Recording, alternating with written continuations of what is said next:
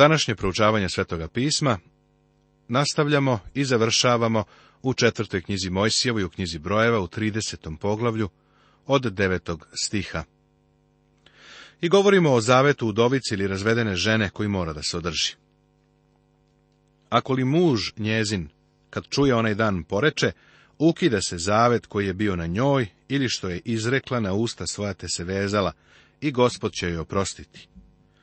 Udovica mora da stoji čvrsto na svoje dve noge. Zavet koji da, mora održati. Zapazi koliko su Bogu važni ovi detalji. On želi da njegov narod održi svoju reč.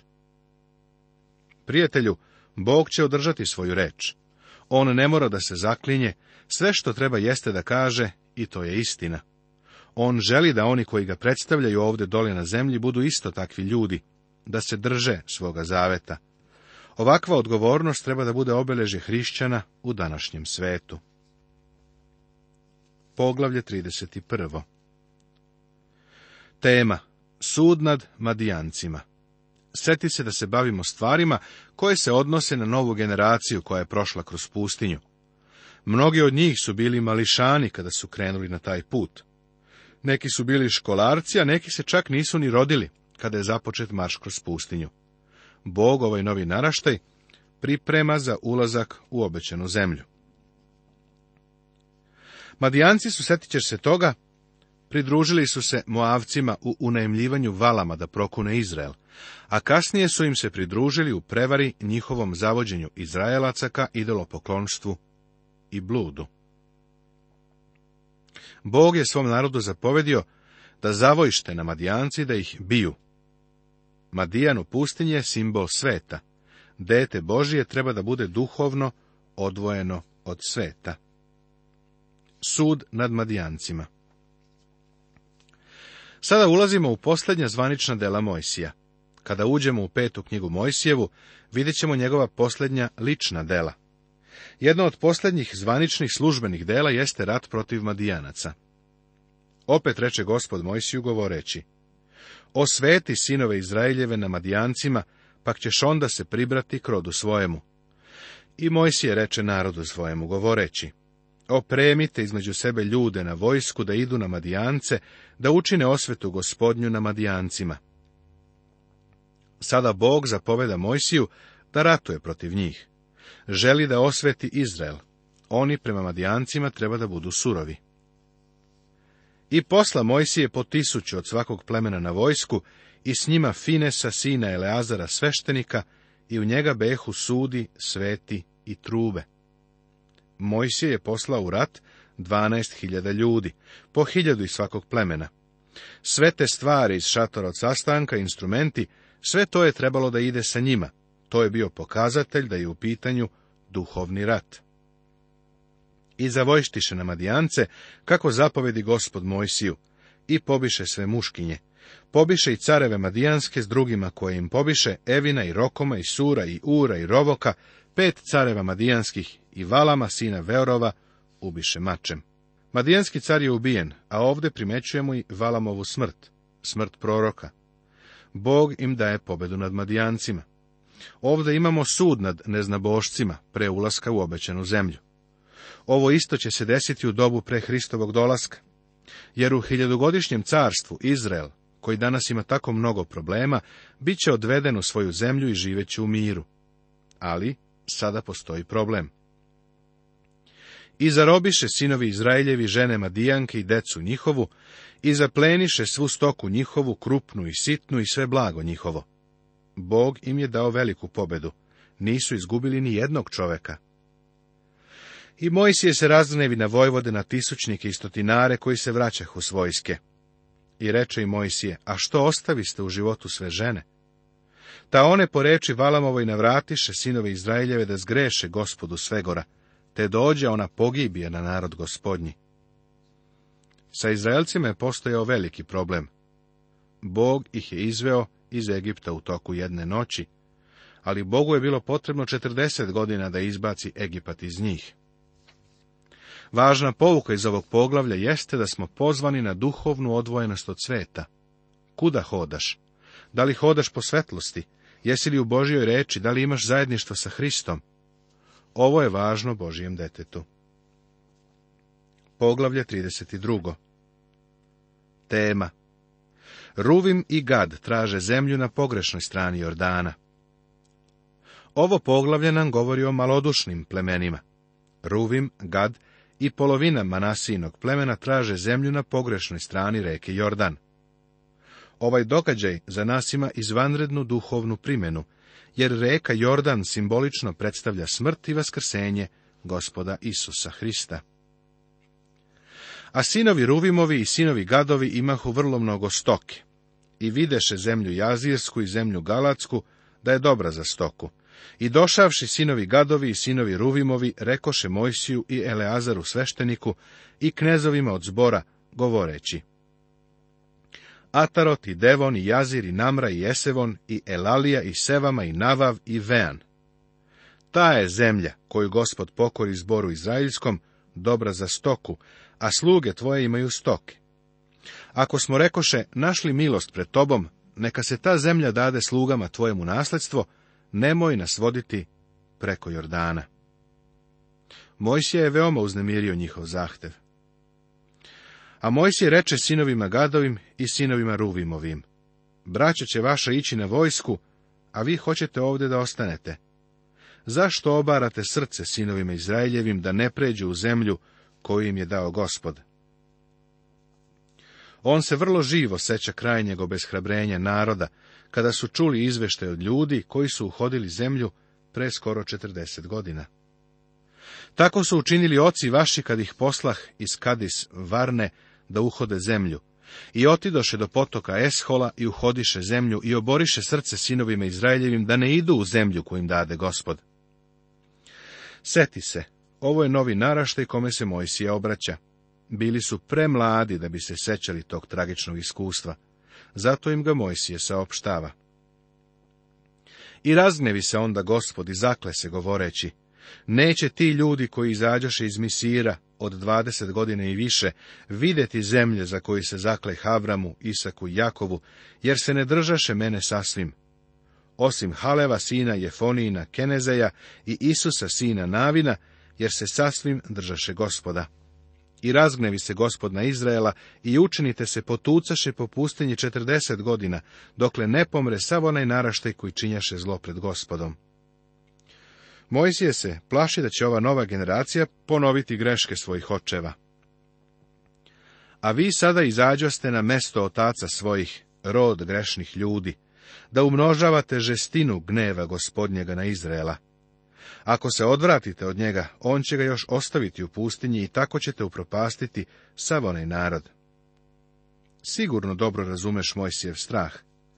Nakon što je podneo sve teškoće i obeshrabrenja koja su trajala 40 godina u toj užasnoj pustinji, pomisao da bi ponovo mogli da propuste ulazak u obećanu zemlju je predstavljao rizik.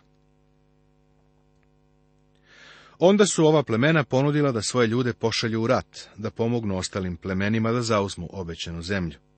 Na osnovu toga Mojsije se složio, dozvolio im da se smeste sa istočne strane reke Jordan. Oni su ovo ne samo obećali, nego su i ispunili, kako čitamo u knjizi Isusa Navina u poglavljima od 12. do 16. Mojsije ih upozorava, ako li ne učinite tako, gle, zgrešit ćete gospodu i znajte da će vas greh vaš stići. Obično se to ovako tumači, vaš greh će se otkriti. Drugim rečima, nećete se tek tako izvući, bit ćete otkriveni. Ali uopšte tako ne piše, ima vrlo mnogo grešnika koji danas dobro prolaze sa svojim gresima i niko ih nikada nije otkrio. Ovaj stih kaže da će tvoj greh tebe da stigne, odnosno da te nađe. Nije me briga ko si, ili gde si, ili kako si, ili kada si, tvoj greh će te pronaći, stići će te. Onako kako zgrešiš, tako će ti se jednom vratiti. To je smisao izjave, znajte da će vas greh vaš stići. I dade Mojsije sinovima Gadovim i sinovima Ruvimovim i polovini plemena Manasije, sina Josifova, carstvo Siona, cara Amorejskoga, i carstvo Oga, cara Vasanskoga, zemlju i gradove po međama njezinim, gradove one zemlje unaokolo. Ova plemena koja su izabrala pogrešnu stranu reke Jordan, nisu imala priliku da pređu preko Jordana. Dva i po plemena nisu prešla preko reke Jordan.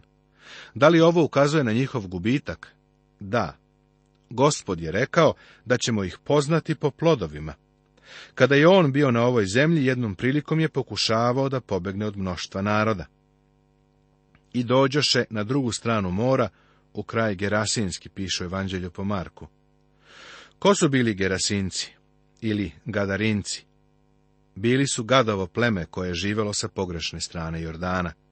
Kada je Isus došao kod njih, video je kako se bave uzgojem svinja, a kada je iscelio čoveka koji je bio opsednut demonima, gadarinci su tražili od gospoda Isusa da ode sa njihove zemlje.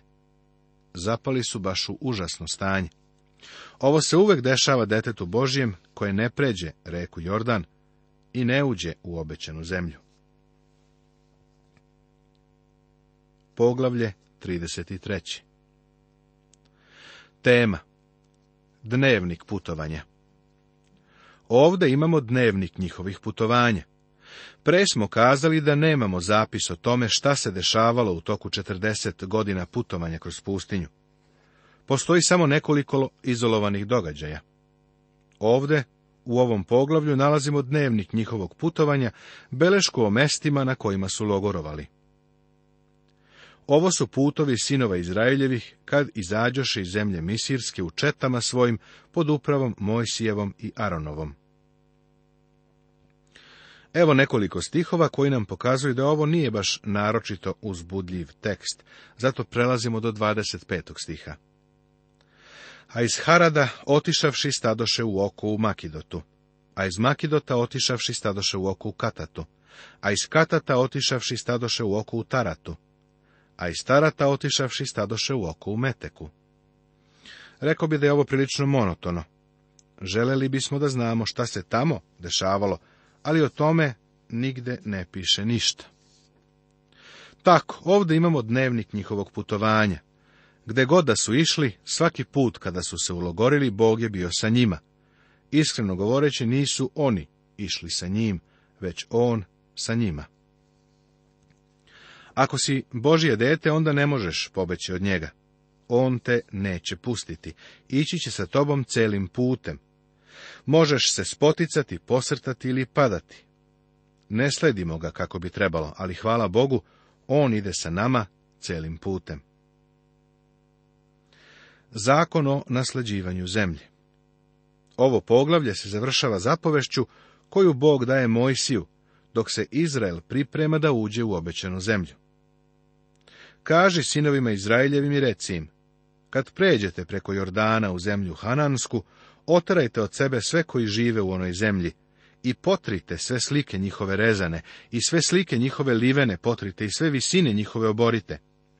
A kad ih isterate iz zemlje, naselite se u njoj, jer sam vama dao onu zemlju, da je vaša. I razdelite u nasledstvo ždrebom na porodice svoje, kojih ima više, njima veće nasledstvo podajte, a kojih ima manje, njima podajte manje nasledstvo. Koje mesto kome ždrebom dopadne, ono neka mu bude. Na plemena otaca svojih razdelite nasledstvo. Ako li ne oterate od sebe onih koji žive u onoj zemlji, onda će oni koje ostavite biti trnje očima vašim i ostani vašim bokovima, ipak ostiće vam u zemlji u kojoj ćete živjeti. I što se misli učiniti njima, učinit ću vama.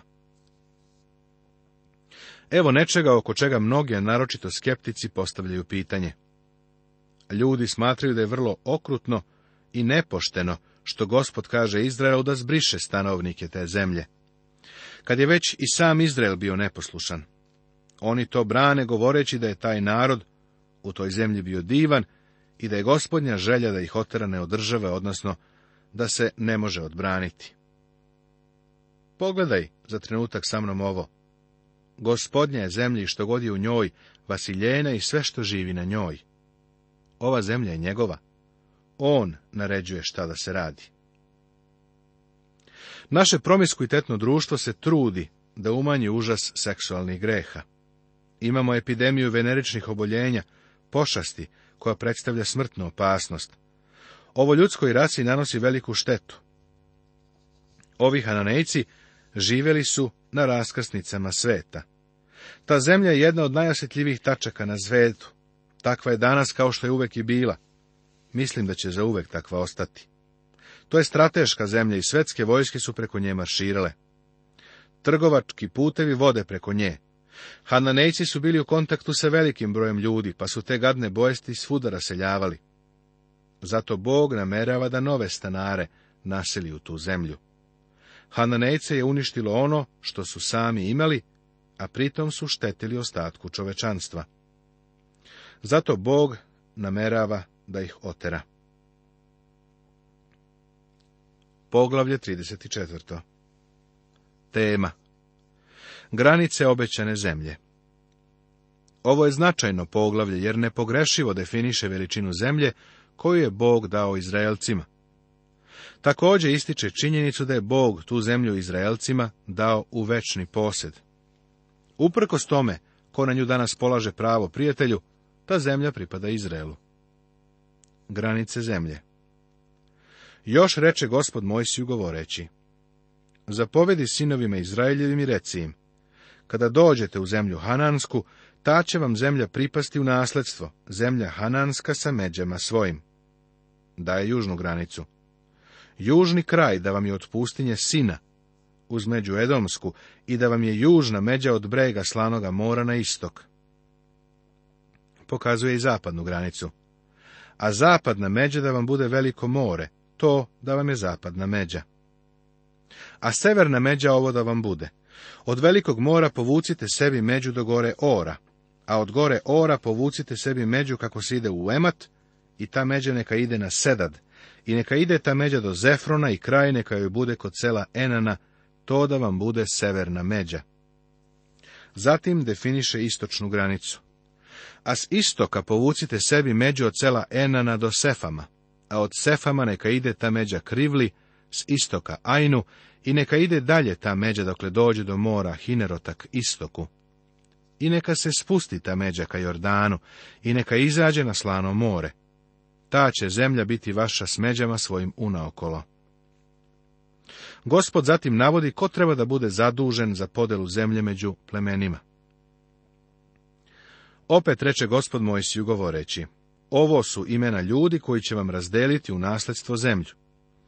Eleazar sveštenik i Isus sin Navin. I po jednoga kneza i svakoga plemena uzmite da deli zemlju. Čak nabroja imena svih knezova koji imaju ovu odgovornost.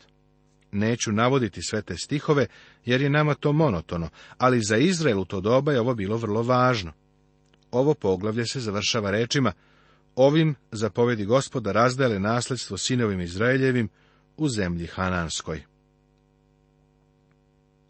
Poglavlje 35. Tema Gradovi utočišta dati levitima kao što smo već naučili, leviti su uzeti između Izraelaca umjesto prvenaca. Leviti su pripadali gospodu. Njima nije dat deo zemlje Izraela, ali su im dati gradovi u kojima su živjeli.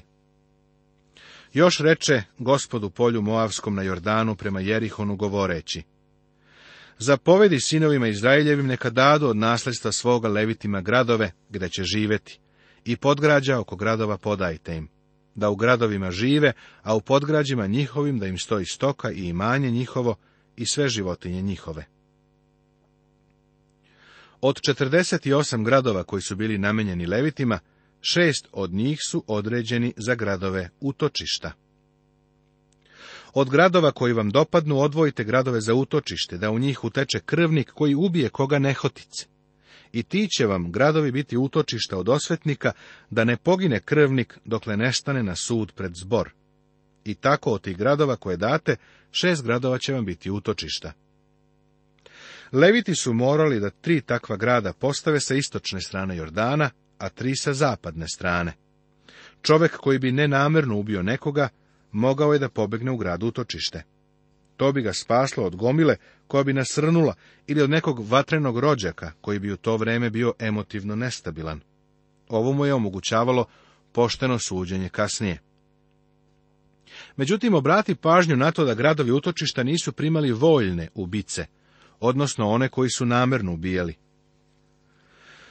Ko bi htio pogubiti čoveka, po svedocima neka pogubi krvnika, ali jedan svedok ne može svedočiti da se ko pogubi da ne biste skvrnili zemlju u kojoj ste, jer krv ona skvrni zemlju, a zemlja se ne može očistiti od krvi koja se prolije na njoj drugčije, nego krvlju onoga koje prolije. Zato ne skvrnite zemlju u kojoj nastavate u kojoj ja nastavam, jer ja, gospod, nastavam usred sinova Izraeljevih. Poglavlje 36. Zakon o nasleđivanju zemlje Starešine porodice Josifovih sinova su za Mojsija izneli problem. Ako se Selpadove kćeri udaju za nekog izvan plemena, onda će njihova zemlja pripasti drugom plemenu. Zato im Mojsije prenosi reč gospodnju u vezi sa ovim. Ovo zapovedi gospod za kćeri Salpadove i reče. Neka se udadu za koga im bude volja, ali u porodici plemena svojega neka se udadu. Da se ne bi prenosilo nasledstvo sinova Izraeljevih, od jednog plemena na drugo, jer će sinovi Izraeljevi držati svaki nasledstvo plemena otaca svojih. I svaka kći u plemenima sinova Izraeljevih, koju dopadne nasledstvo, neka se udaje za koga iz porodice plemena oca svojega, da bi sinovi Izraeljevi držali svaki nasledstvo otaca svojih, da se ne bi prenosilo nasledstvo od jednog plemena na drugo, nego svaki iz plemena sinova Izraeljevih da drži svoje nasledstvo. Zemlja je morala da ostane u plemenu.